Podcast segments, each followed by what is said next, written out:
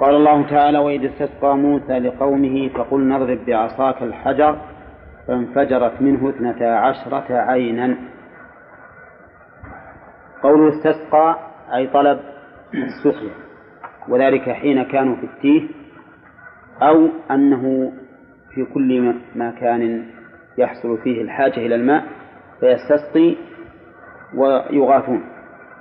وقوله اضرب بعصاك. العصا معروفة. وهذه العصا كان فيها ثلاث آيات عظيمة. أولا أنه يلقيها فتكون حية تسعى وثانيا يضرب بها الحجر فيتفجر عيونا. وثالثا ضرب بها البحر فانفلق فكان كل فرق كالطود العظيم. وقولها الحجر تقدم أن الصواب فيها أن المراد به الجنس. أي حجر يكون؟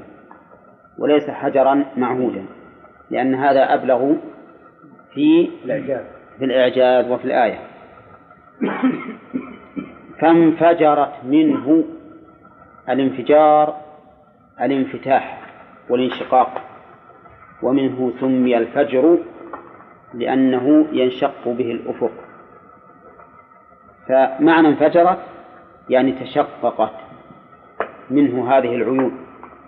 اثنتا عشرة عينا عينا تمييز للعدد لأن اثنتا عشرة مبهم.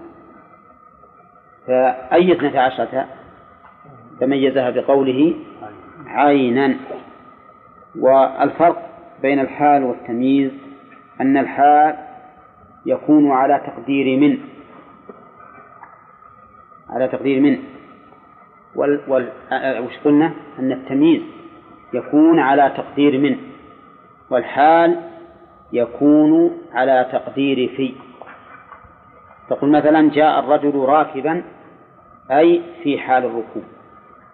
وتقول تصبب الخجل عرقا أي من العرق.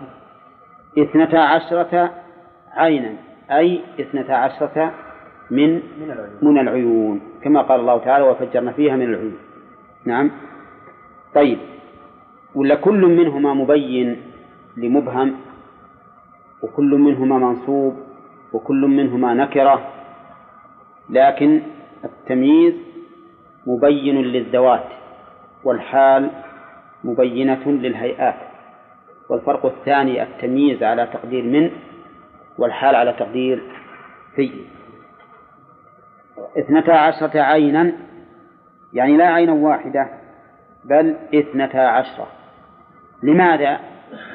لأن بني إسرائيل كانوا اثنتي عشرة كانوا اثني عشرة عشر أسباطا كانوا اثني عشرة أسباطا فلذلك عشر اثني عشر أسباطا فلذلك كانت العيون لكل سبط واحد.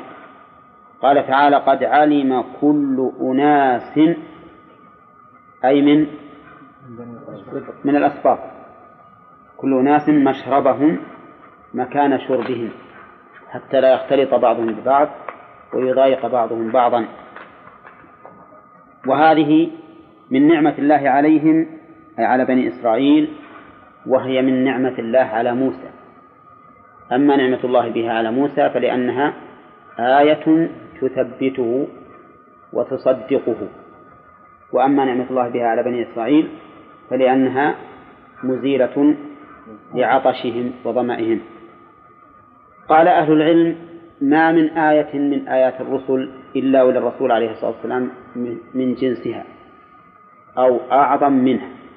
كل آيات الرسل للرسول عليه الصلاة والسلام من جنسها أو أعظم منها. لكن منها ما حصل له هو ومنها ما حصل لأتباعه. فإن كرامات الأنبياء كرامات الأولياء آية للأنبياء.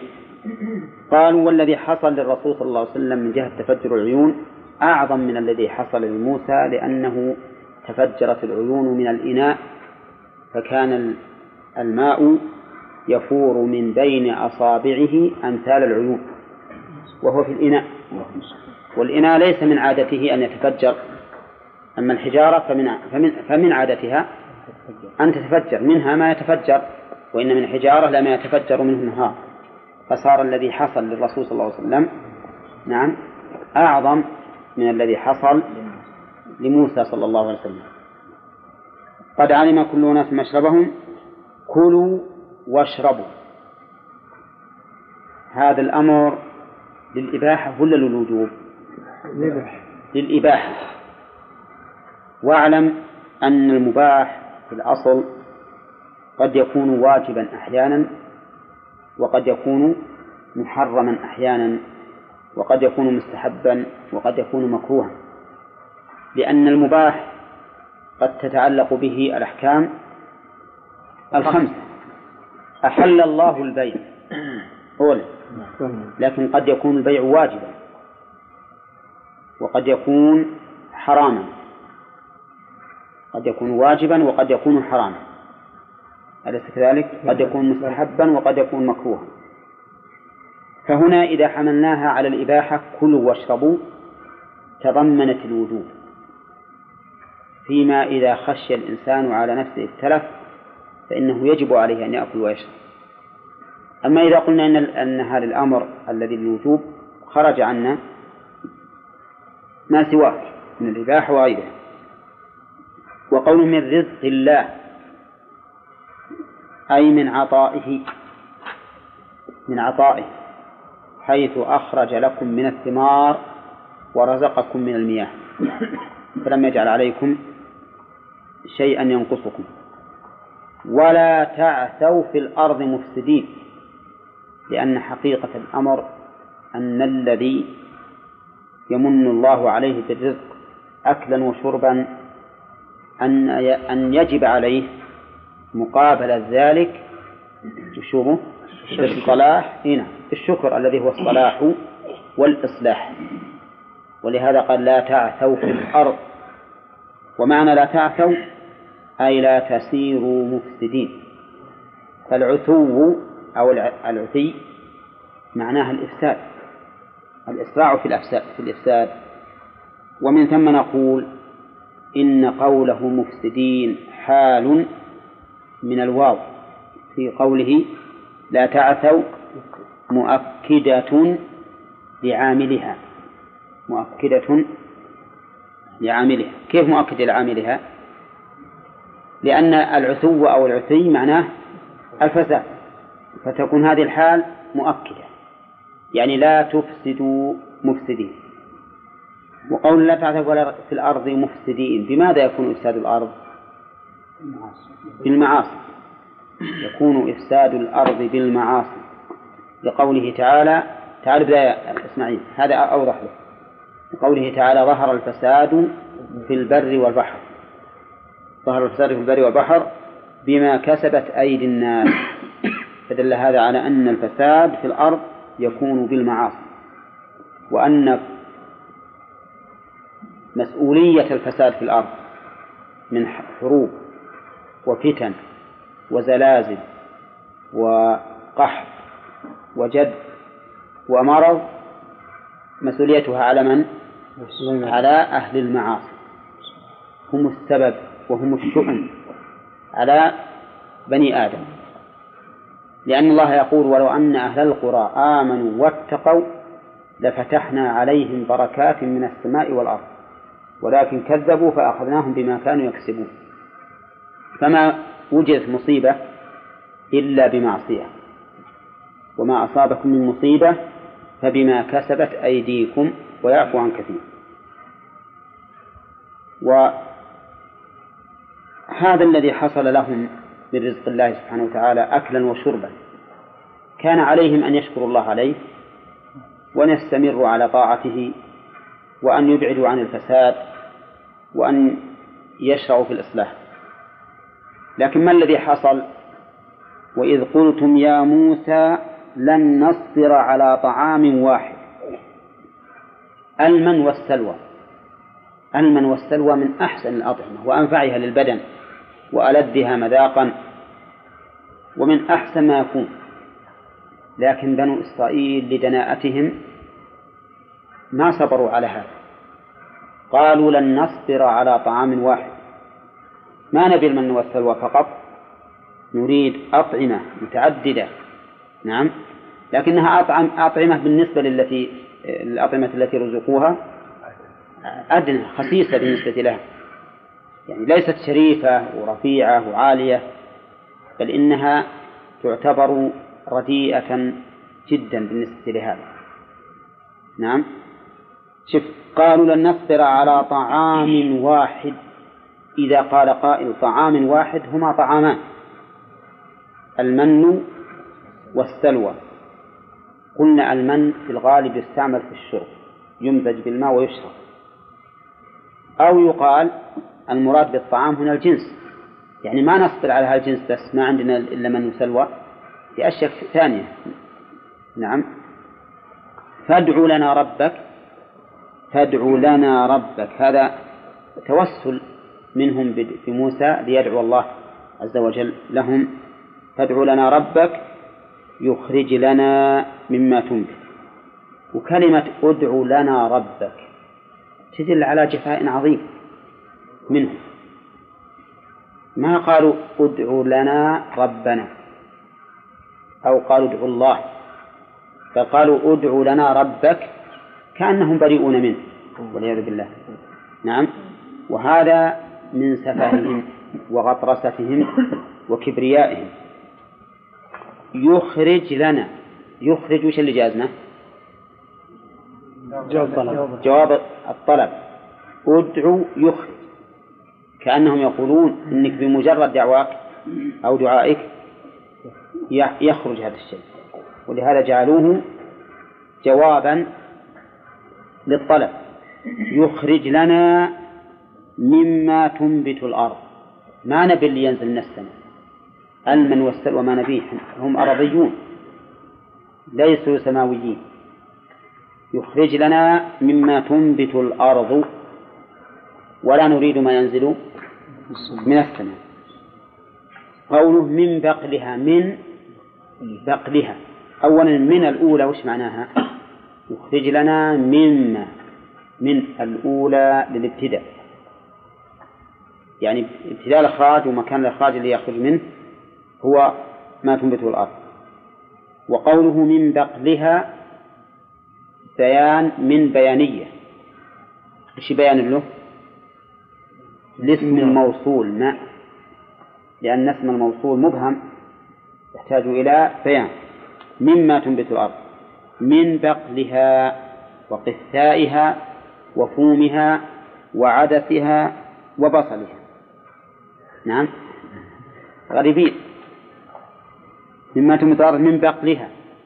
البقل هو النبات اللي ما له ساق يعني مثل الكراث شبهه هذا البقل.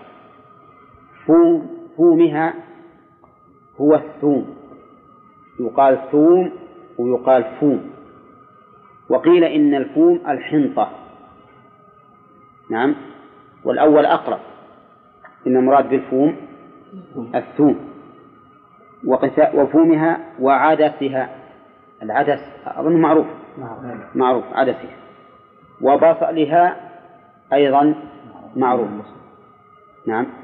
شوف الله أكبر. يعني ها؟ قثائها إيه وقثائها. إي نعم. قثائها أيضا القثاء معروف أظن ها؟ صغار البطيخ إجراوه كل هذه بالنسبة للمن والسلوى ليست بشيء ولهذا أنكر عليهم موسى صلى الله عليه وسلم فقال أتستبدلون الذي هو أدنى بالذي هو خير؟ أتستبدلون الذي هو أدنى بالذي هو خير. معنى تستبدلون أي تأخذون بديلا. استبدلت الشيء بالشيء أخذته عنه. ها؟ تستبدلون أي تأخذون بديلا. وش تأخذون؟ الذي هو أدنى. الذي هو أدنى بالذي تستبدلونه بالذي هو خير. طيب. في قوله الذي هو هو أدنى ما المراد بالذي هو أدنى؟ الفوم. هذا طلبوه من فومها من بقلها وقثائها وفومها وعدسها وبصلها. خمسة أشياء. هذا الذي هو أدنى. بالذي هو خير المن والسلوى. نعم. قولها الذي هو أدنى ما رأيكم في حذف صدر الصلة هنا. بنرجع للنحو نشوف يجوز ولا ما يجوز؟ يجوز. ها؟ نعم يجوز. بكثرة. خطأ. ها؟ ما يجوز إلا بقلة. لأن لأن الصلة غير طويلة. أي هو الموصول غير أي. ها؟ وابن مالك يقول وأنتم غيبين. وفي ها؟ كملوا. مغيبين ما راحت عنكم بعيد. وفي ذا الحذف. أيا. غير أي يقتفي إن يستطل وصل وإن لم يستطل فالحذف نزر ها؟ مغيبين. ما, ما راح بعيد. نعم؟ وهذه إن شاء الله تطلع لنا قلب. الآن نبي نبدأ إن شاء الله نمتحنكم بالغيب. إن صار العلم هكذا. طيب. ومثل أيضا بالذي هو خير. لو قلت بالذي خير يكون هذا قليل. وطبعا هذا التصرف ما يجوز في القرآن مهما كان الأمر سواء طالت الصفة أو ما طالت لكن كان في غير القرآن هنا الذي هو أدنى بالذي هو خير. طيب استبدال الذي هو أدنى بالذي هو خير. نعم.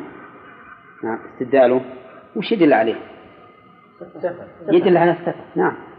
يدل على السفة والانحطاط. مثل إنسان قدمت له فنجان حليب قال والله أنا مشتهي الزقارة نعم. هذا واقع في اللي يشربون الدخان نسأل الله العافية. قدم لهم الشراب الطيب النظيف ويقول لا هو مشتهي زقار نعم. فالحاصل إن هذه المسائل تدل استبدال أذنب بالذي هو خير. تدل بالحقيقة على سفه الإنسان وانحطاطه. وكما يكون هذا في المحسوسات يكون أيضا في المعنويات والمعقولات.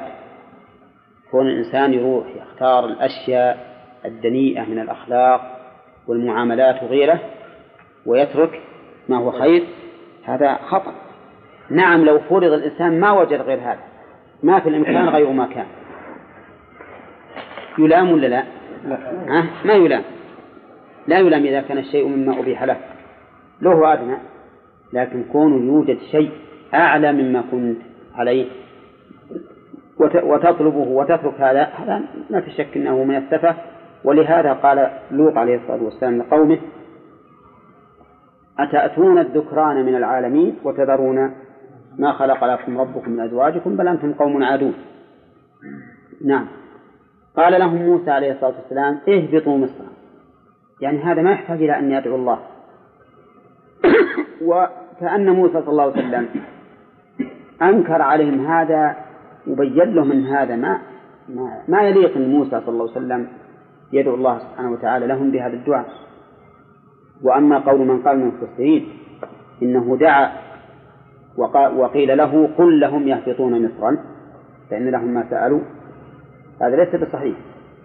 بل لأنه كيف ينكر عليهم أن يطلبوا ذلك منه ثم هو يذهب ويدعو الله به. هذا شيء مستحيل وبعيد. فالصواب أن موسى وبخهم على ما سألوا وأنكر عليهم وقال لهم هذا الأمر الذي الذي طلبتم ليس أمرا صعبا. كل الدنيا مملوءة منه. ولهذا قال اهبطوا مصرا. مصر مصر النيل ولا غيره؟ ها؟ سيد يومي برأسه أنها مصر النيل. نعم؟ ولكننا نقول لا. ولهذا نكرت. ومصر النيل ما تنكر. ما تنصرف. مصر النيل ما تنصرف ولا ينصرف عنها. نعم؟ لكن مصرا منصرفة الآن. يعني اهبطوا أي مصر من الأمصار تجدون ذلك. فإن لكم ما سألتم. نعم. يعني هذا ليس بعزيز ولكن أنتم روحوا لأي مصر من الأمصار تجدون. وش الذي فات من موجبات عدم الصرف؟ هنا. كلمة مصرا نعم. ها؟ إيه التعريف. لأن هذه نكرة. لأن هذه نكرة واسم البلدان يكون فيه العالمية والتأنيث. وهذه فيها نعم قد نقول فيها التأنيث لأن مصر واحد الأمصار. وقد لا نقول إنه مؤنث أيضا قد نقول مذكر. فإن لكم ما سألتم نعم. هل كان من أول علمهم أو يعني إيه هو الظاهر إيه الظاهر الظاهر إنه عندهم لأنهم يعرفون مما تنبت الأرض من هذه الأشياء. الفول نعم. الفول ناطر الفول. الفول؟ ما أدري. لكن أقرب شيء هو الثوم. ثوم بالثاء. ويمكن يقال إنها الفول لأنه قريب من العدس. قريب من العدس. البقل يا شيخ. البقل اللي هو الفول. لا. اللي هو زي الفصول والحاجات تبقل دي هي كلها تم تحطها في المية تنفش هي البقل اللي نقول عليه. حاليا لغاية اصطلاح هذا. اصطلاح. قال وضربت عليهم الذلة والمسكنة. ضربت عليهم شوف الآن فيه التفات. وإذ قلتم يا موسى لن نصبر على طعام واحد إلى آخره. ثم قال وضربت عليهم إذا الكلام مستأنف الآن. خبر من الله سبحانه وتعالى عن بني إسرائيل أنه ضربت عليهم الذلة والمسكنة. الذلة هذا في الشجاعة أذلة ما يقابلون عدوا. وقد قال الله تعالى لا يقاتلونكم جميعا إلا في قرى محصنة أو من وراء جدر والمسكنة فقراء. يعود إلى إلى الفقر. فليس عندهم شجاعة وليس عندهم غنى. لا كرم بالمال ولا كرم بالنفس. أولى الشجاعة وشي كرم بأي شيء؟ بالنفس. يجود الإنسان بنفسه لإعلاء كلمة الله. والكرم جود بالمال. هم والعياذ بالله ما حصل لهم هذا ولا هذا بل العكس. ضربت عليهم الذلة فلا شجاعة عندهم والمسكنة فلا جود عندهم. ولهذا ما يوجد أمة أفقر من اليهود ولا أبخل. ترى أفقر قلبا مو مالا. الأموال كثيرة لكن قلوبهم فقيرة.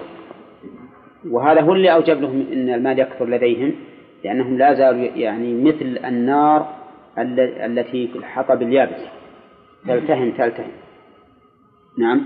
فهم وصفوا بهذا بهذا الوصف. ضربت عليهم. وقوله ضربت عليهم. هذا من باب ما يسمونه بالاستعارة المكنية. إن صح أن نقول إن في الكلام مجاز. كأنه جعلهم بمنزلة السكة. النقد. الذي يضرب عليه الطابع. فكأن هذه الذلة والمسكنة كأنها صارت طابعا عليهم لا تفارقهم. كما لا يفارق الطابع إيش؟ السكة. يعني الذهب والفضة الدينار والدرهم مطبوع عليهم طبع. كأن ولهذا يقال ضرب الدرهم وضرب الدينار. يعني ضرب عليه بالطابع اللي بيختم فيه. وكل دولة تختم على طابع على نقودها ما تراه مناسبا لسياستها فهذه الذلة والعياذ بالله عليهم مضروبة وكذلك المسكنة. فإذا قال قائل الواقع خلاف هذا الآن. نعم. قلنا لا يمكن أن يكون الواقع مخالفا لكلام الله ورسوله. وإنما الخطأ في إيش؟ في الفهم. والتصور. ولا كلام الله لا يفهم الأخبار ما يمكن تختلف خبر الله ورسوله. فنقول هذه الآية مطلقة. وفي قوله تعالى في آل عمران ضربت عليهم الذلة أينما ثقفوا إلا بحبل من الله وحبل من الناس. يقيد هذه الآية. ويصير ضربت عليهم الذلة ومسكنة نعم إلا بحبل من الله وحبل من الناس. فإذا وصلهم الله تعالى أو وصلهم الناس فإنهم تزول عنهم الذلة ويكون معهم شجاعة وقوة. فأنتم نعم. الحبل من الله ما هو؟ قيل إنه الإسلام. والحبل من الناس أن يمدهم الناس غير اليهود نعم بما يمدونهم به. فاليهود الموجودون الآن فيه حبل من الناس يمدهم وهم النصارى. النصارى في كل مكان. النصارى في كل مكان يمدونهم لأن الله يقول يا أيها الذين آمنوا لا تتخذوا اليهود والنصارى أولياء. بعضهم أولياء بعض. وهذا خبر. خبر من الله لا يخلف النصارى تمدهم من جميع أقطار الدنيا. إما علنا وإما سرا. إما مباشر أو غير مباشر. طيب. الحبل من الله قلنا إنه الإسلام على ما ذكره كثير من أهل العلم ويحتمل عندي أنه أعم من الإسلام لأنهم إذا أسلموا زال عنهم وصف اليهودية. وصاروا من المسلمين. لكن عندي أنه حبل من الله أن الله قد يسلطهم على غيرهم عقوبة لهم. قد يسلطون على غيرهم يكون لهم الغلبة عقوبة على الآخرين. لعلهم يرجعون إلى الله عز وجل. لا سيما إذا كانوا من أمة محمد عليه الصلاة والسلام وعصوا وأبعدوا عن هذه الملة فإنهم يسلط الله عليهم من شاء من خلقه لعلهم يرجعون. وهذا أمر هو الواقع. لو نظرنا إلى الذين جعلوا أنفسهم في مسير هؤلاء اليهود وهم العرب لوجدنا أكثرهم ضالين ولا سيما ذوي القيادات منهم. منحرفين عن الحق. بل ربما يصل الأمر في بعضهم إلى الكفر المطلق والعياذ بالله. فلذلك يسلط عليهم هؤلاء يسلط عليهم هؤلاء ويحصل ما يحصل. ولا سي وإذا رأيت إن الرسول صلى الله عليه وسلم في حنين حصلت الهزيمة على الصحابة رضي الله عنهم بسبب الإعجاب بالنفس سبب الإعجاب بالنفس. وحصلت عليهم الهزيمة في أحد بسبب المخالفة. وطبقت الأمر على ما على ما نحن عليه الآن. وجدت أن كلا الوصفين موجود في الذين جعلوا صدورهم لليهود. إعجاب بالنفس ومخالفة للأمر. نعم. حتى إنه حدثني بعض الناس الذي قال لما سمعت جعلت أبكي. حرب الأيام الستة. يقولون إن إن مذيع من مذيع العرب يتبجح يقول سنفعل سنفعل واليهود بعد يومين يحملون حقائبهم في البحر وغدا تغني أم كلثوم في تل أبيب. نعم شوف شلون. جزاء النعمة شكر النعمة عصيان المنعم. أعوذ بالله. هذا التبجح وهذا الاستكبار وهذا العلو وهذا الإعجاب ما حصل للصحابة مع أفضل الخلق ما حصل ولا نصف ولا ربع ولا شيء منه يذكر. بس قالوا لن نغلب اليوم من قلة. وحصل ما حصل. كذلك أيضا المعصية اللي حصلت في أحد المعصية أيضا بسيطة. وهم أيضا انصرفوا عن محلهم بتأويل. ولا لا؟ نعم. قالوا إن خلاص الآن الهزيمة حصلت على المشركين وغلب المسلمون ولا صار إلا نروح نجمع الغنيمة وصار الأمر أن أتاهم الفرسان من الخلف وحصل ما حصل بقضاء الله وقدره وحكمته معصية واحدة كيف عاد المعاصي الكثيرة الآن اللي يرى بعض قادة هؤلاء الذين جعلوا صدورهم اليهود يرون أن الحكم بشريعة الله تأخر ورجعية أعوذ بالله. كيف بينصرون هؤلاء على اليهود؟ المهم إن نقول أنا أرى أن قوله تعالى إلا بحبل من الله ليس هو الإسلام. لأن الإسلام حقيقة يخرجهم من اليهودية ويجعلهم في خير الأمم لكن المراد به حبل من الله سبب يكون نصرا لهم ليسلطهم على من شاء من عباده. وإلا فالله يقول للرسول صلى الله عليه وسلم يخاطب المؤمنين. وبيخاطب من قال أنا مسلم لا يقاتلونكم جميعا إيش؟ إلا في قرى محصنة أو من وراء جدر الآن يقاتلوننا من فوق رؤوسنا. وعلى جدرنا نحن. أليس كذلك؟ هذا هو الواقع. هذا هو الواقع. لأن الخطاب في قوله لا يقاتلونكم لمن اتصفوا بما كان عليه السلف الصالح.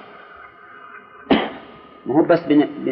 حتى الآن يعني الحقيقة مع الأسف أننا ما نقاتلهم بالإسلام. شو نقاتلهم به؟ بالعروبة والقومية. نعم. هم يقاتلون هم يقاتلون بدين لكن باطل. لأنهم يقولون هذه أرض مقدسة دين الأنبياء أرض الأنبياء. نريد أن نستردها من هؤلاء العرب الغاصبين. على زعمهم. نعم. هذا فرق بين هذا وهذا. وإن كان دينهم باطل وليس بشيء لكن المهم أنهم يأتون بصفة دينية. أما نحن تركنا الصفة الدينية وذهبنا إلى صفة لا لا ننصر بها أبدا. ما نصر العرب لأنهم عرب لكن لأنهم مؤمنون. لأنهم مؤمنون. وكان حقا علينا نصر المؤمنين. لا نصر العرب نصر المؤمنين. ومن الغريب أن بعض الناس يقول نعم كان حقا علينا نصر المؤمنين لكن المؤمنين بقضيتهم. هو المؤمن بدين المؤمنون بالقضية. ما علموا أن المؤمن بالقضية أنه بعد أيضا الكريملين والبيت الأبيض وقصر بريطانيا لندن كلهم مؤمنين بقضاياهم أجل حق على الله أنه ينصرهم؟ نعم. ها؟ حاشاه سبحانه وتعالى. ولكن نصر المؤمنين به سبحانه وتعالى وبرسله وكتبه المطبقون لشريعته. هذا الذي أوجب الله على نفسه أن ينصرهم. وكان حقا علينا نصر المؤمنين. إذا يزول عنا الاشتباه في قوله وضربت عليهم الذلة والمسكنة لماذا نراهم الآن في هذه الحال؟ والآية خبر من الله وخبر الله. حق صدق لا يمكن أن يتخلف. فالجواب أن الآية هذه مقيدة بقوله تعالى ضربت عليهم الذلة أينما ذوقفوا إلا بحبل من الله وحبل من الناس. وشف التقييد في آل عمران تقييد في الذلة في الذلة فقط. لكن المسكنة ما هي مقيدة ولذلك هم مضروب عليهم المسكنة أينما كان ولا يمكن يبذلون قرشا إلا وهم في أمل أن يحصلوا درهما. أبدا. لو بذلوا الجمعيات اليهودية التبرعات كلها هذه من أجل غرض يرونه يعود عليهم بأكثر مما بذل وإلا لما بذلوا شيئا. فالمسكنة مطلقة. والذلة مقيدة. إلا بحبل من الله وحبل من الناس. نعم. فيه من ضمن الذلة المسكنة دول في واحد يهودي راح دمياط فأدى واحد قرش تعريف يعني هو عليه. قال له أنا عايز أتعشي واستلي وأعشي الحمار. الحقيقة مش يعني تعريف. أتعشى. أتعشى. والسلي وعشي الحمار. السلة السلة. السلة يعني. آه. فراح الدمياطي إذا أذكى منه راح جاب له بطيخ. اتعشى منها هو. والثاني خد البذر بتاع السلة دي. القشر الحمار. الثاني الحمار. قال والله ما أبات في هذه البلدة لأن البلدة دي فعلا. إيه. بمثل شائع عندنا يعني اليهود حقيقة يهود على كل حال هذه هذه الله حكى عنهم هذا نعم. قال وباءوا بغضب من الله. باءوا. نعم. لا يقاتلونكم جميعا مقيد هذا؟ إي لا. الخطاب للمؤمنين. خطاب للمؤمنين. يعني لو كان عندنا إيمان حقيقي ما استطاع اليهود ان أن يقابلونا ابدا. ابدا. ما يستطيعون. ما قابلونا يا شيخ لغاية دلوقتي. لغاية وقتنا هذا ما قابلونا. إيه، على كل حال. حقيقة يعني مش نعم، نعم، نعم. حرب الأيام الستة دي يسيبوا على نحن لكن في حرب 73 ما قابلونا. الحمد لله لأن معنا بعض الإيمان. حتى 73 اللي شيخ. ده يعني كل اللي عبر القناة يا شيخ آه، الله أكبر بالرأي. وفعلا يعني في ناس حتى الشيخ عبد الحليم محمود قالوا إنه فينا لقينا ناس قدامنا برايات ماشية قدامنا إيه، بتقول الحمد لله الحمد لله الحمد لله. الشيخ في عسكري حكى إنه كان لوحده في حرب 73 يا شيخ. وبعدين كان في في سريه يهودية يعني مرة. فالعسكري هذا كان رايح الملجأ يعني يجيب فطار طبعا يفطر. فريق السريه دي يعني معه علبة فول. هجم عليهم بعلبة الفول كلهم سلموا. بعدين لما راحوا للحكام قالوا كيف ان تسلموا العسكري واحد؟ قالوا نحن ما سلمنا العسكري واحد، إحنا سلم عسكري واحد لابس ثوب أخضر وحواليه سريه لابسه ثياب بيضاء. أي نعم إيه. المهم على كل حال ان ان الخطاب لا يقاتلونكم للمؤمنين فإذا قاتلناهم بالإيمان فلم يقاتلونا وجها لوجه إلا في قرى محصنة أو من وراء جدر فإذا قاتلناهم بغير الإيمان فإنهم يقاتلوننا من فوق سطوحنا لا من وراء جدر أي نعم. نعم. السياق عام النافقين نعم. السياق عام النافقين ايها لا لا لا. ما في منافق اليهود. هنا نعم. نعم. مكتوب أي مصر من الأمصار؟ عنيزة تسمى مصر. إذا أمرهم بأمر لا لا يقول روحوا لأي بلد تبون. ما هو بأمرهم يقول ما حاجة نسأل الله إن, الله يخرجنا مما تنبت الأرض. هذا موجود من كل بلاد. هذا زيادة في التوبيخ عليه. كيف؟ يعني هم هم في التيه هم. هنا ما أنزل عليهم المن والسلام فطلبوا أن الله بدل ما ينزل عليهم من الأمور النافعة اللذيذة. فقال كيف إني أسأل الله؟ يبدل هذا الذي هو الذي هو خير. قال وضربت عليهم الذلة نعم. وباءوا بغضب من الله. باءوا بغضب. رجعوا باءوا أي رجعوا. والباء للمصاحبة بغضب. والغضب من الله سبحانه وتعالى بغضب من الله من للابتداء يعني الغضب من الله. إن الله غضب عليهم. كما قال الله تعالى قل هل أنبئكم بشر من ذلك مثوبة عند الله؟ من لعنه الله وغضب عليه وجعل منهم القردة والخنازير وعبد الطاغوت. وغضب الله سبحانه وتعالى صفة من صفاته صفة من صفاته لكنها لا تماثل صفات المخلوقين. ما تماثل صفات المخلوقين؟ نحن عندما نغضب تنتفخ الأوداج منا ويحمر الوجه ويقف الشعر نعم ويفقد الإنسان صوابه. كذا؟ هل هذه العوارض تكون في غضب الله؟ لا. لا. لأن الله ليس كمثله شيء بل هو غضب يليق بالله عز وجل. وإذا قلنا بهذا وسلمنا بأن الغضب صفة حقيقية. برئت بذلك ذمتنا وسرنا حسب ما أمر الله به ورسوله. يرى بعض الناس بعض أهل التحريف يقول إن الغضب أي الانتقام. أي الانتقام. وليس هو صفة من صفات الله. ويرى آخرون أنه إرادة الانتقام. أنه إرادة الانتقام فمعنى غضب الله عليه أي أراد أن ينتقم منه. وعلى الأول يقول غضب الله عليه أي انتقم منه. فالذين يقولون الغضب الانتقام هم الذين لا يثبتون الإرادة ولا يثبتون شيء من الصفات وإنما يثبتون الأفعال المنفصلة المخلوقة. والذين يقولون إنه الإرادة هم الذين يثبتون لله كم صفة؟ سبع صفات. وهم الأشعرية والأول المعتزلة والجهمية. يقولون إن الله ما يريد ولكن له مخلوقات. فالغضب أي هذا العذاب والعقوبة المنفصلة عن الله. وكلا الأمرين باطل كلا القولين باطل. أما الأول وهو رأي المعتزلة فنقول إن الله سبحانه وتعالى قال فلما آسفونا انتقمنا منهم. وآسفونا وش معناه؟ أغضبونا. أغضبونا. انتقمنا والشرط غير المشروط.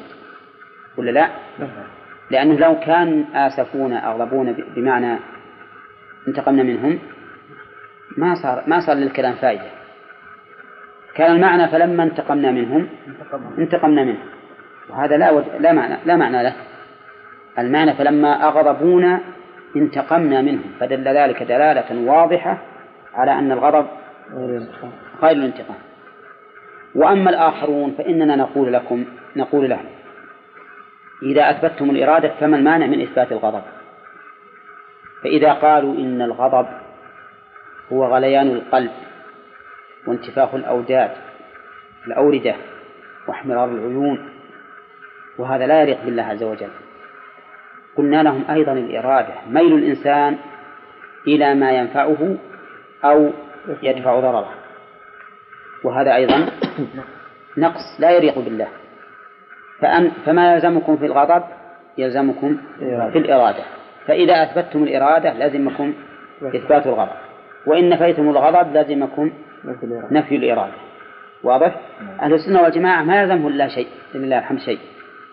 يقولون نحن نثبت الغضب ونثبت الإرادة ونثبت كل صفات الله سبحانه وتعالى ولكننا ننزه الله سبحانه وتعالى عن مشابهة. المخلوقين ومماثلتهم. ثم إننا لا نتخيل صفاته أيضا. ما نتخيلها. ونرى أنه يحرم على المرء أن يتخيل صفات الله سبحانه وتعالى لأن الله أعظم من أن تحيط به العقول. فهو لا تدركه الأبصار وكذلك العقول لا تحيط به. نعم. إذا الغضب وش نقول عند أهل السنة والجماعة صفة من صفات الله تعالى الثابتة له على وجه الحقيقة بدون تكييف ولا تمثيل. بدون تكييف ولا تمثيل. طيب.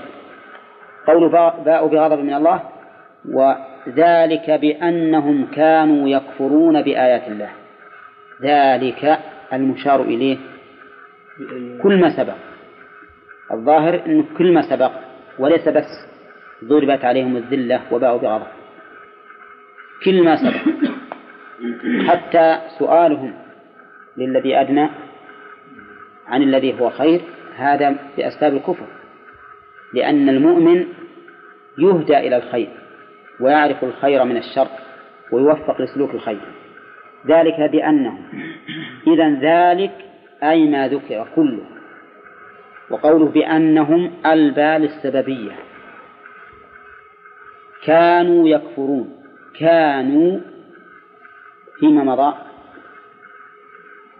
أو على أنهم متصفين متصفون. متصفون.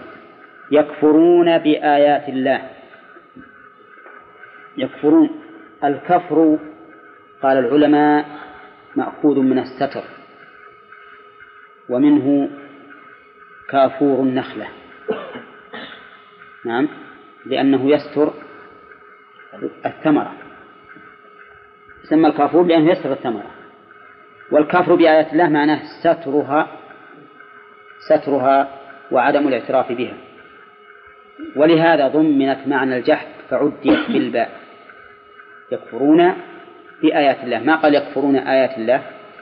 قال بآيات الله. وقوله تعالى بآيات الله الكونية ولا الشرعية؟ كلاهما الكونية والشرعية. الشرعية تتعلق بالعبادة والكونية تتعلق بالربوبية. فهم يكفرون بهذا وبهذا. ثانيا ويقتلون النبيين. أعوذ بالله. جرأة. الله. يقتلون النبيين. ما هم يكذبونهم فقط. يقتلون النبيين. نعم. بغير الحق. والنبيين فيها قراءتان. نعم بعد قبل فيها قراءتين وضربت عليهم الذلة. فيها ثلاث قراءات.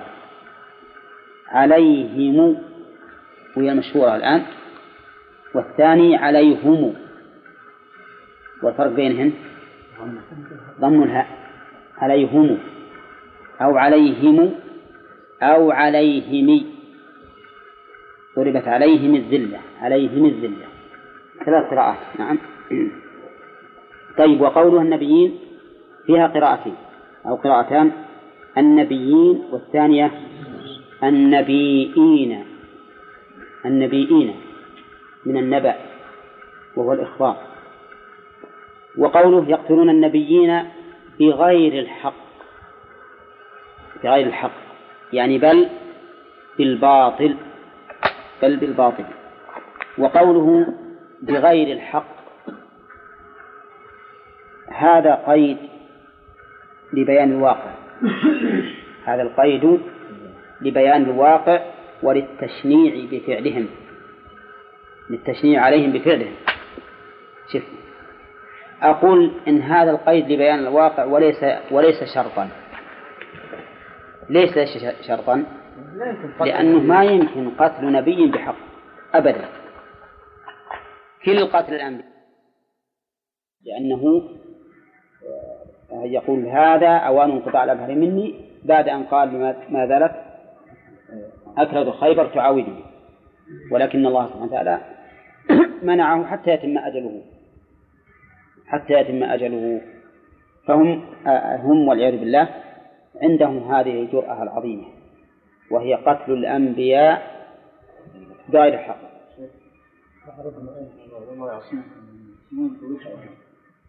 نعم.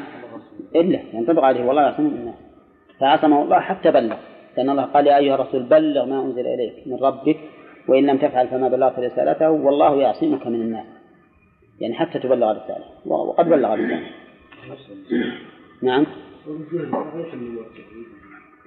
نعم إذا إذا قلنا إنه مات بسبب هذه الأكلة وهو مات شهيد لأنه ظلم هذا اللي حصل من هؤلاء اليهود نعم ها؟ ها؟ هو لما قال بلغ أو لما قال بلغ يعني إذا إذا صح هذا أن الرسول مات بسبب هذه الأكلة سمعنا الآية يا أيها الرسول بلغ والله يعصمك يعني فلن يستطيع أحد أن يحول بينك وبين تبليغ رسالتك ولكن إذا جاء الأجل انتهى التبليغ. ثم قال ذلك بما عصوا وكانوا يعتدون. قوله ذلك هل مرجع الضمير؟ آه الإشارة. هو مرجع الإشارة الأولى. فيكون كررت تأكيدا. أو إن مرجع الإشارة هو الكفر والقتل. الظاهر أنه الكفر والقتل. وعلى هذا فتكون المعاصي التي بعدها ذلك بما عصوا وكانوا يعتدون تكون سلما للكفر والقتل. يعني قتلوا كفروا وقتلوا بما عصوا بسبب عصيانهم واعتدائهم. ونجيب المؤذن نكمل عليه. الله. الزال ما في دراسة إن شاء الله. خبروا الجماعة. نعم. الله الظاهر بس الزال يمكن إن شاء الله أرجع بعد بعد بكرة. الله أكبر.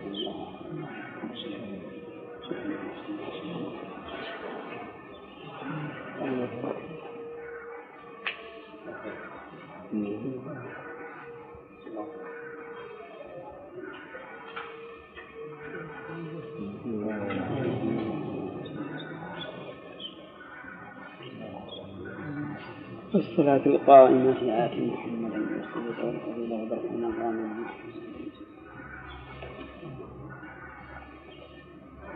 قوله ذلك بما عصوا البل السببية وما في قول بما عصوا مصدرية أي بعصيانهم. وقوله وكانوا يعتدون معطوفة على قوله بما عصوا أي وبما كانوا يعتدون أي وبكونهم معتدين. والفرق بين المعصية والعدوان إذا ذكرا جميعا أن المعصية فعل ما نهي عنه والاعتداء تجاوز ما أمر به. ففعل ما نهي عنه يسمى معصية والاعتداء تجاوز ما أمر به مثل أن نصلي خمس ركعات مثلا. وقيل بالعكس وأن المعصية ترك المأمور والعدوان فعل المحظور.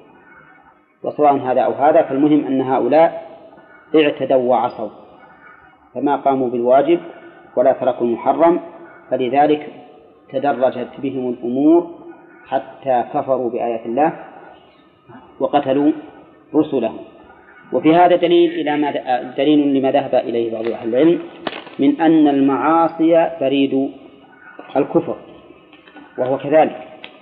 فالإنسان إذا فعل معصية استهان بها ثم يستهين بالثانية ثم بالثالثة وهكذا. وقد مر علينا أبيات في تفسير التقوى.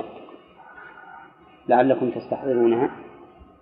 يقول خل الذنوب صغيرها وكبيرها ذاك التقى. واعمل كماش فوق أرض الشوك يحذر ما يرى. لا تحقرن صغيرة. إن الجبال من الحصى. هنا. وهذا صحيح. إذا تراكمت الذنوب على القلوب حالت بينها وبين الهدى والنور. كلا بل ران على قلوبهم ما كانوا يكسبون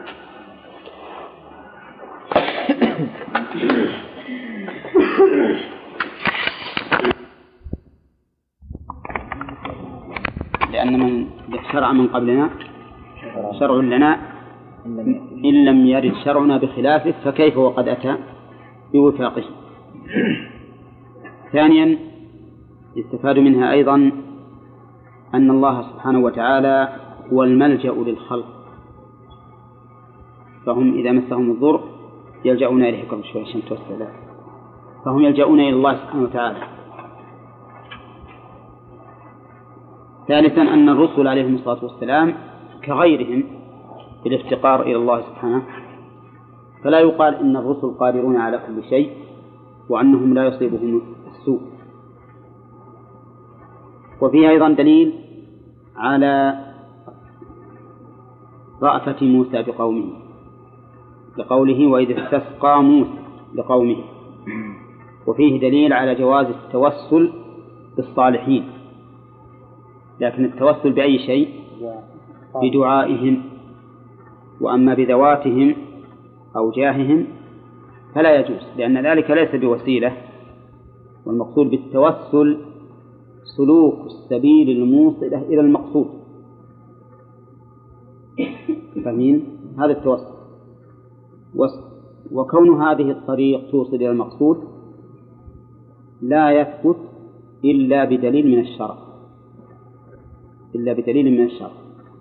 وعلى هذا فما لم يرد به الشرع فإن التوسل إلى الله به يكون من باب التشريع في دين الله ما ليس منه. ولهذا عد أهل العلم المحققون منهم التوسل بجاه الرسول صلى الله عليه وسلم عدوه من أنواع الشرك. وفيها أيضا دليل على أن الله سبحانه وتعالى قادر وجواد لأن العاجز لا يستسقى والبخيل لا يعطي. أليس كذلك؟ ولهذا أجاب الله. وفيها أيضا دليل على إثبات سمع الله سبحانه وتعالى لقوله فقلنا لأن الف هنا السببية فقلنا يعني فلما استسقى قلنا فدل على أنه. أن الله سمع استسقاءه فأجابه. وفيه أيضا دليل وهو أيضا من أدلة من أدلة هامة. إثبات وجود الله تعالى لمنكريه فإن إجابة الدعاء دليل على وجود المدعو. وكم في القرآن من ذكر الآيات التي فيها أن الله أجاب الداعين ونوحا إذ نادى من قبل فاستجبنا له. وأيوب إذ نادى ربه أني مسنا الضر وأنت أرحم الراحمين فاستجبنا له. إلى غير ذلك. وفيه دليل على كمال قدرة الله سبحانه وتعالى حيث إن موسى صلى الله عليه وسلم يضرب الحجر بالعصا فيتفجر عيونا. وهذا جرت العادة بمثله نعم ها؟ لا. بمثله لا. يعني انك حذر إيه لكن مو بهذا الصفة ما جرت العادة بمثله. فهو دليل على قدرة الله. وأنه ليس الأمر كما يزعم الطبائعيون إنه طبيعة. إذا كانت الأمور بالطبيعة ما تغيرت. وبقيت على ما هي عليه. وفيه دليل على آية من آيات الله سبحانه وتعالى يصدق بها نبيه موسى. ولا لا؟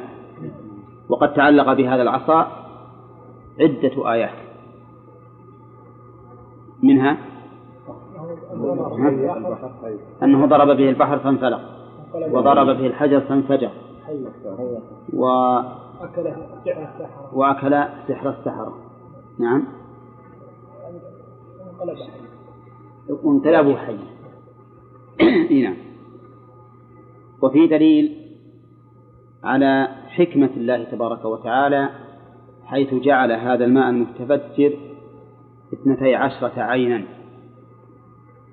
لفائدتين.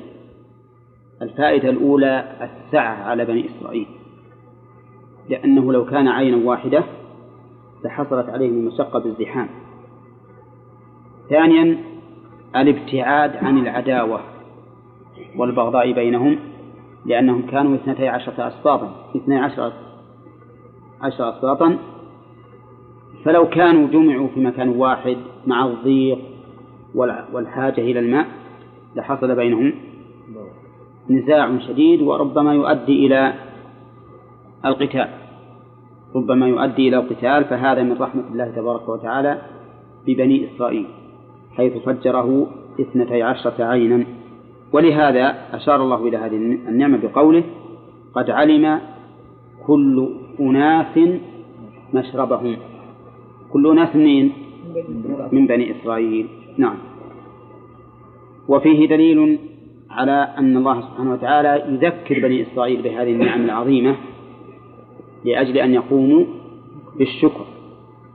ولهذا قال كلوا واشربوا ولا تعثوا في الأرض مفسدين وفي قوله كلوا واشربوا يستفاد من هذا أن ما خلق الله تعالى من المأكول والمشروب للإنسان فالأصل فيه الإباحة والحل لأن الأمر هنا كما مر للإباحة فما أخرج الله لنا من الأرض أو أنزل من السماء فالأصل فيه الحل فمن نازع في شيء في في فمن نازع في حل شيء منه فعليه الدليل. آه، نعم. في حل شيء منه. وقال هذا ليس بحلال بل هو حرام. نقول عليك الدليل. ما هو الذي الأصل فيه الحظر؟ العبادات. وأما المعاملات والانتفاعات بما خلق الله فالأصل فيها الحل والإباحة. نعم. طيب. ويستفاد من هذه الآية تحريم الإفساد في الأرض. لقوله ولا تعثوا في الأرض مفسدين والأصل في النهي التحريم. ويستفاد منها أيضا أن المحرمات تقبح بحسب حال الفاعل. لقول كلوا واشربوا من رزق الله ولا تعثوا فإنه لا يليق بمن وسع الله له في الرزق وأعطاه ما تقوم به حاجته بل كماله لا يليق منه أن كمل أن يسعى في الأرض فسادا بل اللائق به أن يقوم بشكر هذه النعمة. فيسعى في الصلاح لنفسه وفي الإصلاح لغيره. في شيء بعد من الآية؟ المعاصي في الأرض إفساد هم؟ المعاصي في الأرض إيه؟ أن المعاصي أن سبب لفساد الأرض لأن الله تعالى يقول وظهر الفساد في البر والبحر بما كسبت أيدي الناس ليذيقهم بعض الذي عملوا هذا ذكر الموجب وقال ولو أن أهل القرى آمنوا واتقوا لفتحنا عليهم بركات من السماء والأرض ولكن كذبوا فأخذناهم بما كانوا يكسبون. هذا أيضا ذكر الثالث. ويقول تعالى فلما نسوا ما ذكروا به فتحنا عليهم شف البلوى.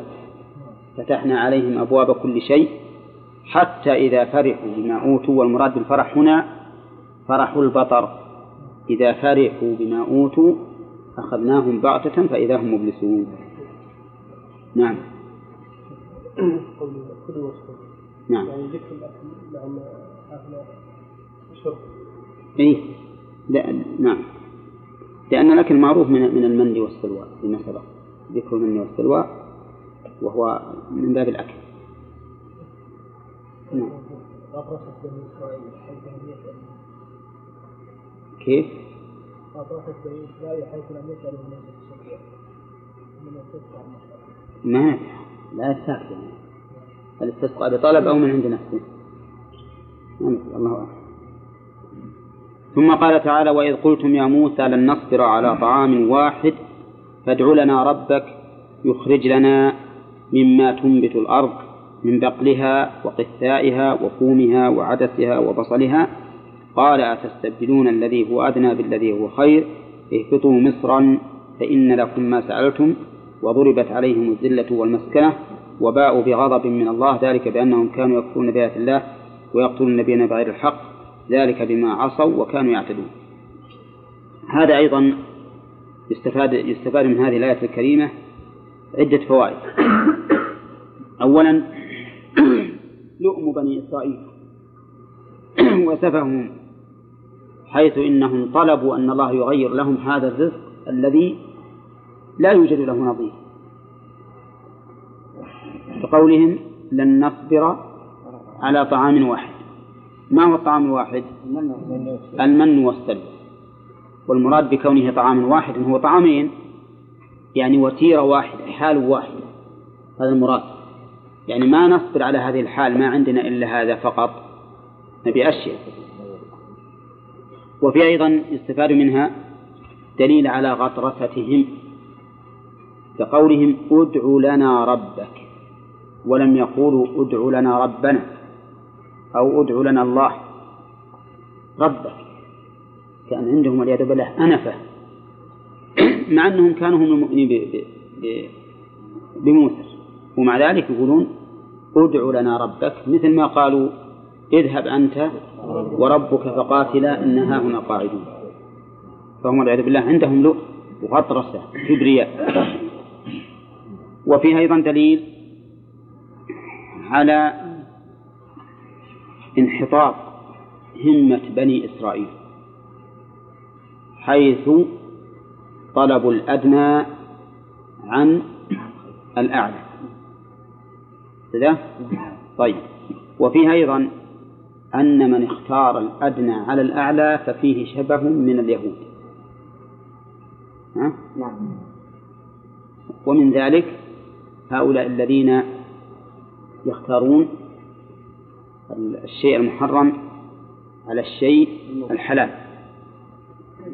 وقد قصصت عليكم قصة الرجل اللي كان إلى جنبي في الطائرة وأعطوه حلاوة مثل العادة. نعم.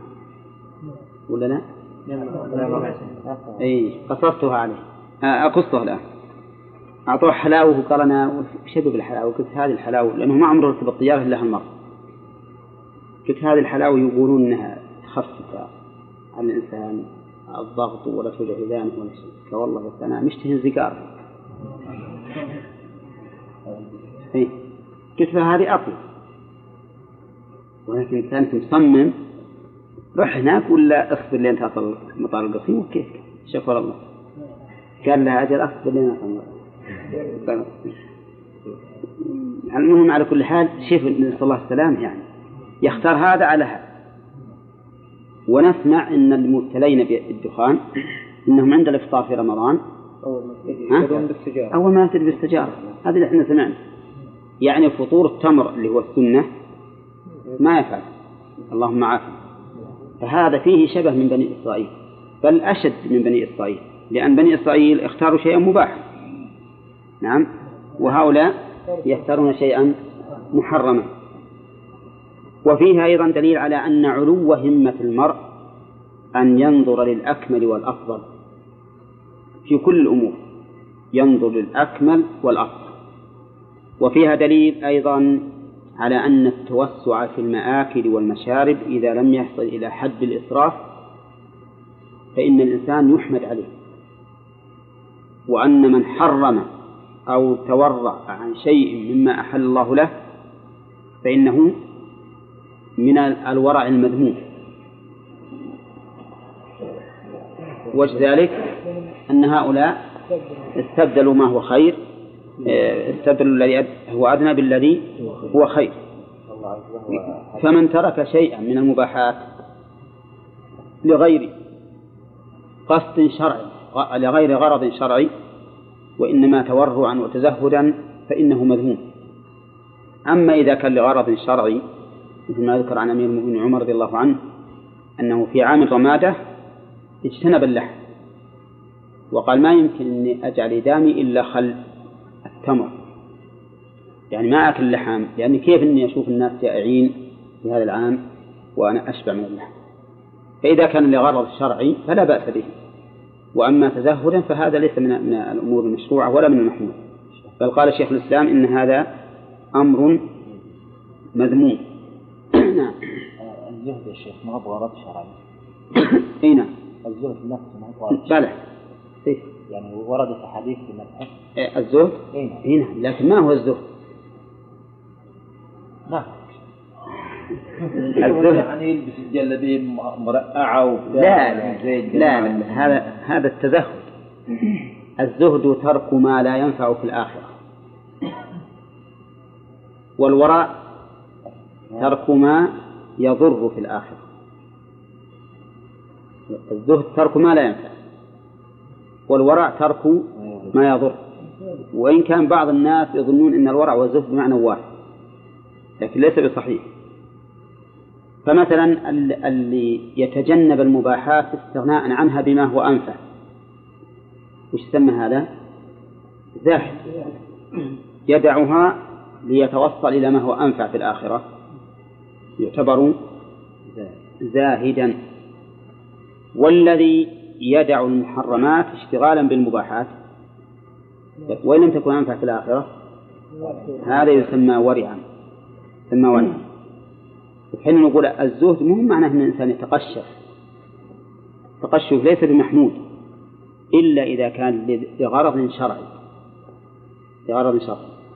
والغرض الشرعي مثل ما ذكرنا عن عمر أو مثلا أفرض الإنسان مثلا بين أناس فقراء ولو لبس مثلا ما يليق به وبغ- وبغناه كسر قلوبهم وحصل لذلك, لذلك أثر في نفوسهم هذا أيضا تركه من الأمور التي قد يحمل عليها المرء.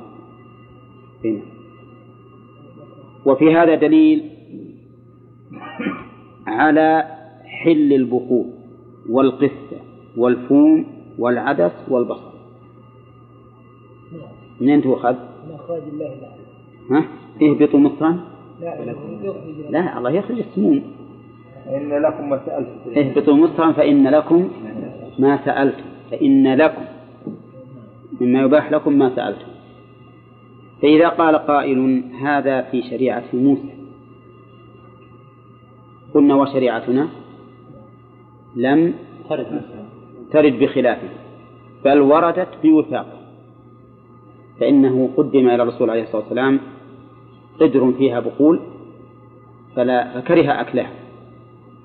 فلما كره أكلها ورآه بعض أصحابه أيضا كره فقال الرسول قربوها ثم قال كل فإني أناجي من لا تناجي. فأباحها لهم. وكذلك في خيبر لما وقع الناس في البطل وعلموا من كراهة النبي عليه الصلاة والسلام لها قالوا حرمت فقال إنه ليس بي تحريم ما أحل الله. فبين أنه حلال. فهو حلال حتى في شريعتنا يعني الشريعة الإسلامية جاءت بوفاق هذا الأمر مع أنه لو لم تأتي بوفاقه ولم تأتي بخلافه فالصحيح أنه على الأصل. أنه على الأصل. وفي هذا دليل على جواز إسناد الشيء إلى مكانه لا إلى الفاعل الأول. لقوله مما تنبت الأرض والذي ينبت الله سبحانه وتعالى.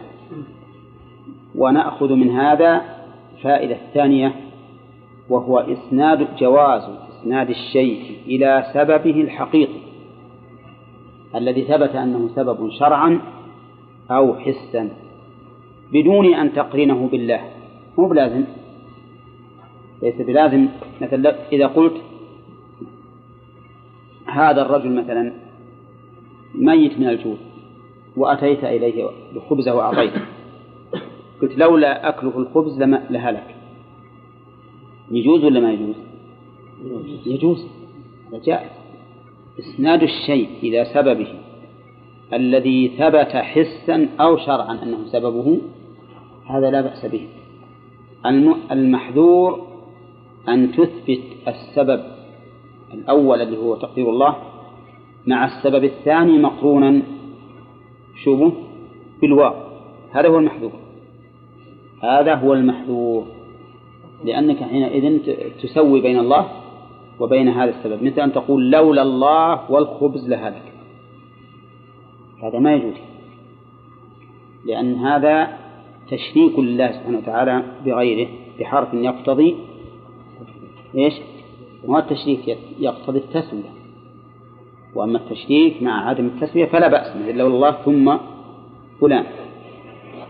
الحاصل الآن نقول في هذه الآية دليل على إضافة أن إضافة الشيء إلى سببه الحقيقي.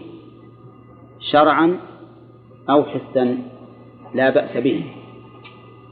ولكن ولكن المحصول المحذور أن يكون مقرونا مع الله بالواو الذي يقتضي التسوية. طيب إذا قال قائل أليس الله تبارك وتعالى قد ذم قارون حينما قال إنما أوتيته على علم عندي. على علم عندي. فنسب حصول هذا المال إلى العلم. وهو صحيح قد يكون هو السبب. قلنا لأن هذا الرجل أنكر أن يكون أن يكون هذا من الله. ومعلوم أن الإنسان إذا أضاف الشيء إلى سببه بإضافة سبب أولا وآخرا فهو محرم ما يجوز. حتى مثلا لو قلت هذا أنا الذي صنعته ولولا أني صنعته ما استقام وما أشبه ذلك لولا بين هذا البناء ما استقام إذا نويت أنك مستقل به من الله فهذا لا يجوز. هذا هو السبب. أما إذا أضفته إلى السبب الحقيقي الدال عليه الشرع أو الحس بدون أن يكون لك عقيدة بانفراد هذا السبب به فهذا لا بأس به. وقد ثبت عن النبي عليه الصلاة والسلام أنه قال في عمه أبي طالب لولا أنا لكان في الدرك الأسفل من النار. فأضاف التخفيف على أبي طالب أضافه إلى نفسه صلى الله عليه وسلم. قال لولا أنا. هذا الأثر ينظر فيه وإذا صح عن ابن عباس فإن قصده سد باب الذريعة لأناس يخشى عليه. نعم. هذا هذا الأمر أي. الجواز هذا. هل الأفضل أن نقول لولا كذا؟ لا الأفضل أن تقول لولا أن الله قدر كذا. هذا الأفضل هنا.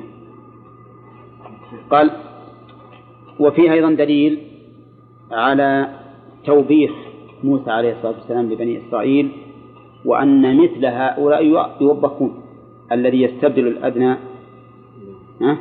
بالذي هو خير مستحق للتوبيخ. لأن لأن موسى وبخهم حيث قال أتستبدلون الذي هو أدنى؟ بالذي هو خير. نعم؟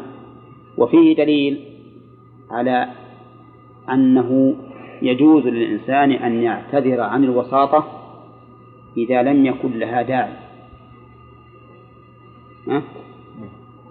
لأنه قال اهبطوا مصرا فإن لكم ما سألتم. ما حاجة إني أدعو الله أن يخرج لكم مما تنبت الأرض؟ ولا لا؟ أين؟ إذا أحيانا يأتيك بعض الناس يقول توسط لي إلى فلان. بالكم لهذه المهمة. آه ثم إنك تقول اذهب أنت وحاول إذا لم تستطع فأنا مستعد. أو الأحسن أنك أنت على طول تأخذ وتتوسط. الأحسن الأولى. لسببين.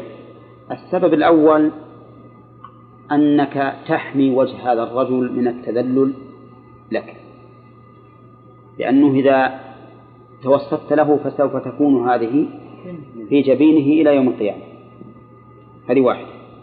الأمر الثاني أنك إذا فعلت هذا ربما تفتح عليك أبوابا لا تستطيع إغلاقها ثم ينسد الباب من فوق. فاهمين معنى الكلمة هذه؟ ها؟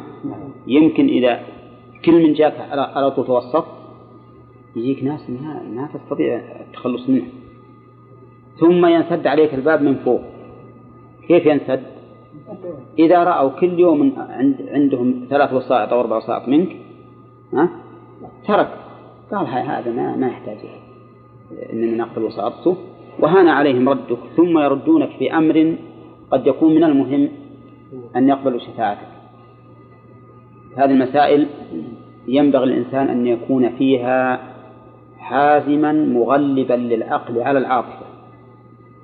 ولا أحيانا الإنسان يرحم الشخص يقول ليش ما أتوسل فإذا كان عنده استعداد إذا رأى وجهة نظره صحيحة وعنده استعداد أنه إذا سدت الأبواب أمامه فإنه يتوسط يكون هذا خير للطرفين. خير للطرفين وللمصلحة العامة. وقد رأينا أثر ذلك في مسائل كثيرة.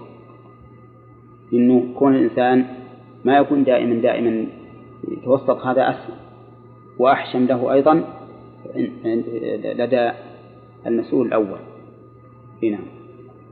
طيب كون موسى عليه الصلاة والسلام يمتنع أن يسأل الله مع أن الدعاء عبادة نفسه الدعاء نفسه عبادة ولم يسأل الله لهم وإنما قال اهبطوا مصرا أي بلد تنزلونه فإنكم تجدون الذي سألتم. نعم.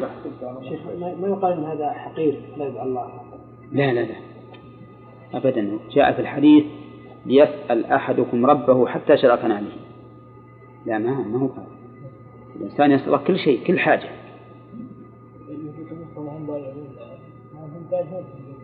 نعم. المعنى إنه أي مصر يعني يتسهل لكم بعد التيه. بعد التيه يحصل هذا الشيء. بيحتج بمصر إلى مصر يعني مصر فعلا هم ولا مصر دي بلدنا؟ لا من بلدكم. وربنا أوحى لموسى إنه روح مصر خذوه لا لا. الله سبحانه وتعالى الله سبحانه وتعالى ملكهم مصر من يوم أغرق فرعون. قال ونعمة كانوا فيها فاكهين كذلك وأورثناها قوما آخرين. وفي في الشعراء قال أورثناها بني بني إسرائيل. نعم. بالنسبة لخطاب بني إسرائيل بالنعمة نعم. واستهانتهم بها وطلبهم للأدنى مع وجود الأعلى نعم. ما قولكم عسى الله عنه؟ مثل الأطعمة الطيبة التي تذهب الآن مع المجاهد يعني أشياء قد تكون والله قولنا إن هذا خطأ. هذا خطأ وقد اعتمد الناس فيها على فتوى ينسبونها لبعض العلماء وأظنها ليست بصحيحة.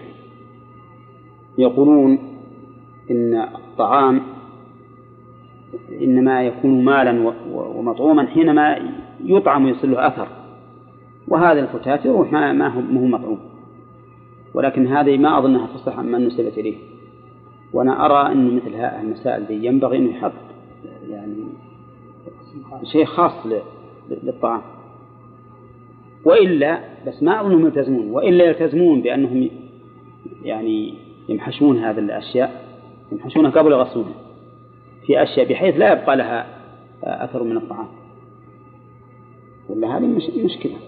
والمشكلة الأخيرة المشكلة الآن أن نسمع أن المجاري اللي هي الحين تعمل بالمدن إنهم ما يسمحون معها بالبيارات. داخل البيت في داخل البيت. ما يمنع ما يمنعون حتى في هذا؟ طيب الحمد لله. يبعد عنه. ها؟ خليه باخر البيت. ما يخالف. قريبة من السور المجال ما يخالف. هذه أشهر يأتون المصيبة نعم. وفي هذا دليل في الآية دليل على ضرب الذلة على بني إسرائيل. وضرب المسكنة. نعم. وقد ذكرنا أن هذه الآية المطلقة مقيدة في آية أخرى. بالنسبة للذلة ولا بالنسبة للمسكنة؟ بالنسبة للذلة فقط. أما المسكنة فهي باقية. نعم. والمراد بالمسكنة هنا الفقر القلبي أو الفقر الحسي؟ القلبي وقد يكون الحسي أيضا لكن من نظر إلى الواقع باعتبار الوقت الحاضر وأن حقيقة الأمر أن اليهود ملكوا اقتصاد الدنيا كلها. كل الاقتصاد في الشرق والمغرب كله بأيدي اليهود الآن. علم بأن المقصود بالمسكنة هنا القلب المسكنة القلبية. أما الذلة فإن الله تعالى في سورة آل عمران قيده فقال إلا بحبل من الله وحبل من الناس. هنا المسكنة مطلقة لأنه إلا بحبل من الله وحبل من الناس وضربت عليهم المسكنة. بدون استثناء. وفي هذا دليل على أن بني إسرائيل لا يقومون لل- للمسلمين لو حاربوهم من قبل الإسلام.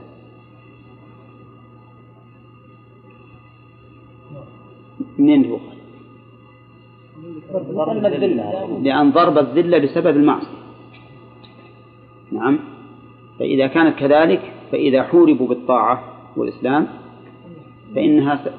لا شك أنه سيكون الوبال عليه وقد قال الله تعالى لا يقاتلونكم جميعا إلا في قرى محصنة أو من وراء جدر- الفائدة أدري عاد عندكم عدد الفوائد نسيت؟ الرابعة عشرة. نعم. الفائدة الرابعة عشرة استحقاق بني إسرائيل للغضب. بقوله وباعوا بغضب من الله. ووقوع الغضب عليه. استحقاقا من باء. ووقوعا من قوله بغضب من الله سبحانه وتعالى. طيب. الفائدة الخامسة عشرة إثبات الأسباب. لقوله ذلك بأنهم لأن الباء للسببية. الفائدة السادسة عشرة أن الكفر بآيات الله سبب للغضب والذل؟ والمسكنة لقول ذلك بأنهم كانوا يكفرون بآيات الله. والفائدة السابعة عشرة عدوان بني إسرائيل الذي لا منتهى فوقه فيما نعلم وهم أنهم جمعوا بين الكفر بالله والقتل لأنبياء الله لقوله ويقتلون النبيين بغير الحق الفائدة الثامنة عشرة أن قتل الأنبياء قتل بغير حق. أولى. لأن ذكرنا أن القيد هنا ليس قيدا يخرج به مفهوم بل هو قيد لبيان الواقع والتعليل. الفائدة التاسعة عشرة أن المعاصي سبب للكفر. من أين تؤخذ؟ ذلك بما عصوا. يعني كفرهم بآيات الله وقتل الأنبياء أسبابه العصيان. لأنهم لما عصوا تمردوا ولهذا قال أهل العلم إن المعاصي بريد الكفر. وهذا حقيقة لأن المعاصي والعياذ بالله تخرق سياج القلب حتى يصل إليه الكفر. كلا بل ران على قلوبهم ما كانوا يكسبون. وذكرنا في التفسير إن بعض العلماء يقول إن ذلك الثانية هي الأولى. ويكون عللت بالكفر وقتل الأنبياء والمعصية والعدوان. ويجعلون الكفر معصية وقتل الأنبياء عدوان. يجعلونه عدوانا. يقول من ذلك بما عصوا هو معنى قوله ذلك بأنهم كانوا يكفرون بآيات الله. وكانوا يعتدون هو معنى ويقتلون النبيين بغير الحق ويكون تكرار اسم الإشارة للتوكيد. ولكن الأفضل عدم ذلك لأنه من القواعد المعروفة في أصول الفقه أنه إذا دار الأمر بين التأسيس والتأصيل آه، بين والتوكيد بين التأسيس والتوكيد. ها؟ الأصل التأسيس لأن التوكيد معناه زيادة أحدهما توكيدا. والتأسيس أن كل منهما أصل. وهذا هو الأصل في الكلام. وفيه دليل على أن بني إسرائيل جمعوا والعياذ بالله بين المعاصي اللي هي معصية الخالق وبين العدوان بين المعاصي والعدوان. قيل إن المعصية المحرم والعدوان الزيادة على الواجب. يزيدون في الواجب غلوا أو نقصا. وأما المعصية فهي فعل محرم. فترك الصلاة مثلا نسميه معصية نسميه؟ عدوانا اعتداء أو نسميه معصية. معصية لأن ترك واجب. وانتهاك المحرم كالزنا. عدوان. انتهى اي نعم. وفي هذا الآية إثبات الغضب لله سبحانه وتعالى. لقوله وباءوا بغضب من الله. وقد بينا أنه صفة حقيقية يجب إثباتها لله على وجه الحقيقة. وفيها أيضا بيان حكمة الله حيث ربط الأشياء بأسبابها. ذلك بأنهم ذلك بما عصوا. وهذا من الحكمة أن تكون الأسباب مؤثرة. ولكن لاحظوا أن الأسباب قد يكون لها موانع. قد توجد الأسباب ولكن يوجد موانع أقوى منها. نعم. وهذا من الحكمة أيضا لأن الموازنة بين الأمور وكون المانع قد يغلب السبب والسبب قد يطغى عن المانع هذا لا شك أنه من الحكمة. نعم. فالله سبحانه وتعالى له الحكمة في كل تقديره وفي كل شرع في شيء بعد؟ حد الإسراف نعم. الإسراف مجاوزة الحد. مجاوزة الحد هو الإسراف. وفي كل موضع بحسبه لأنه قد يكون قد يكون هذا الفعل هنا إسرافا وفي بلد آخر ليس بإسراف. وقد يكون هذا الفعل إسرافا بالنسبة لفلان وليس إسرافا بالنسبة لفلان. وقد يكون هذا الفعل إسرافا في هذا الزمن وليس إسرافا في زمن آخر. نعم.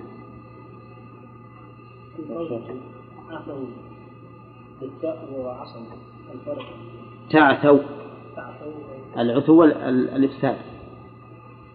العثو الإفساد. والمعصية مخالفة الأمر. لا من واحد لكنهم متلازمان لأن لأن لأن الإفساد يكون بالمعاصي. يعني متلازمات ولكن مهم معنى عثى عصى ما يمكن تفسر عصى بمعنى عثى نعم. سوء أدب بني إسرائيل نبيهم بمناداتهم باسمه المجرد قوله يا موسى إيه. والله ربما يؤخذ انه سوء أدب. وهذا إذا ثبت انه إنهم مأمورين بأن ينادوه باسم الرسالة مثلا. ولا يدعوه باسمه. وهذا ما أدري عنه. لكن على كل حال فيما حسب عرفنا الآن بقطع النظر. إن مناداة الإنسان الكبير باسمه يعتبر نوع من سوء الأدب. ولا لا؟ حتى لو قلت مثلا الإنسان أكبر منك سنا يا فلان باسمه يرى الناس إن هذا سوء أدب. فكيف عاد إذا كان أكبر منه قدرا ومنزلة عند الله سبحانه وتعالى؟ فهو سوء أدب في الحقيقة. ولهذا قال الله تعالى لا تجعلوا دعاء الرسول بينكم كدعاء بعضكم بعضا. والصواب هنا أن دعاء مصدر مضاف إلى الفاعل وإلى المفعول. بمعنى أنه يجوز أنه مضاف إلى الفاعل ويجوز أن يكون مضافا إلى المفعول. فإذا كان مضاف إلى المفعول يصير لا تجعلوا دعاءكم الرسول؟ كدعاء بعضكم بعضا يعني ما تنادونه باسمك كما تنادون كما ينادي بعضكم بعضا وإذا جعلناه مضافا إلى الفاعل صار لا تجعلوا دعاء الرسول إياكم. إذا دعاكم إلى شيء لا تجعلوه كدعاء بعضكم بعضا فتخالفوه. كما يخالف بعضكم بعضا ويرشح هذا قوله قد يعلم الله الذين يتسللون منكم بوادا فليحذر الذين يخالفون عن أمره أن تصيبهم فتنة. نعم. هل يعني من تسليط الله على الناس على الرسل اي ان يقتلوهم؟ هل إيش؟ هل إيش؟ هل هذا يعني من تسليط الناس على الرسل؟ من تسليط؟ إي نعم. يعني هل هل, هل هذا إغفال من الله للرسل؟ لا لا؟ لا ابدا. بل هذا بالحقيقة من زيادة أجرهم في في صبرهم ومن بيان حكمة الله سبحانه وتعالى حيث يأخذ هؤلاء بالانتقام. مع أنه ما قتل أحد من الرسل أمر بالجهاد. كل من أمر بالجهاد انتصر. لأن الله يقول أنا لننصر رسلنا والذين آمنوا في الحياة الدنيا ويوم يقوم الأشهاد. وهذا هو الجمع بين الآية هذه التي تلوت الأخيرة وبين قوله ويقتلون النبيين بغير الحق. فإنه هذه الحقيقة نسينا نذكرها الجمع بين الآيتين. فإن بعض العلماء يقول إن الجمع بينهما أن الذين قتلوا لم يؤمروا بالجهاد وأن من أمر بالجهاد من الأنبياء نصر. ومنهم من يقول إن نصرهم في الدنيا بإقامة الحجة على أعدائهم وبيان صدقهم. فيكون نصرا بالقول والحجة. ومنهم من يقول أيضا إن لننصر رسلنا والذين آمنوا ببقاء ذكرهم وتخليدهم. ذكرهم الحسن وأنهم قاموا برسالة الله وأدوا الأمانة ولكن قتلهم أعداؤهم. ولكن الأقرب الوجه الأول وأن كل من أمر بالجهاد لأنه لو أمروا بالجهاد وصارت النتيجة الهزيمة المطلقة صار الأمر بالجهاد. عبثا ينزه الله عنه. فأقرب الأقوال أن أن هذه الآية إن لننصر رسلنا المراد بهم. الذين أمروا بالجهاد. نعم. نعم.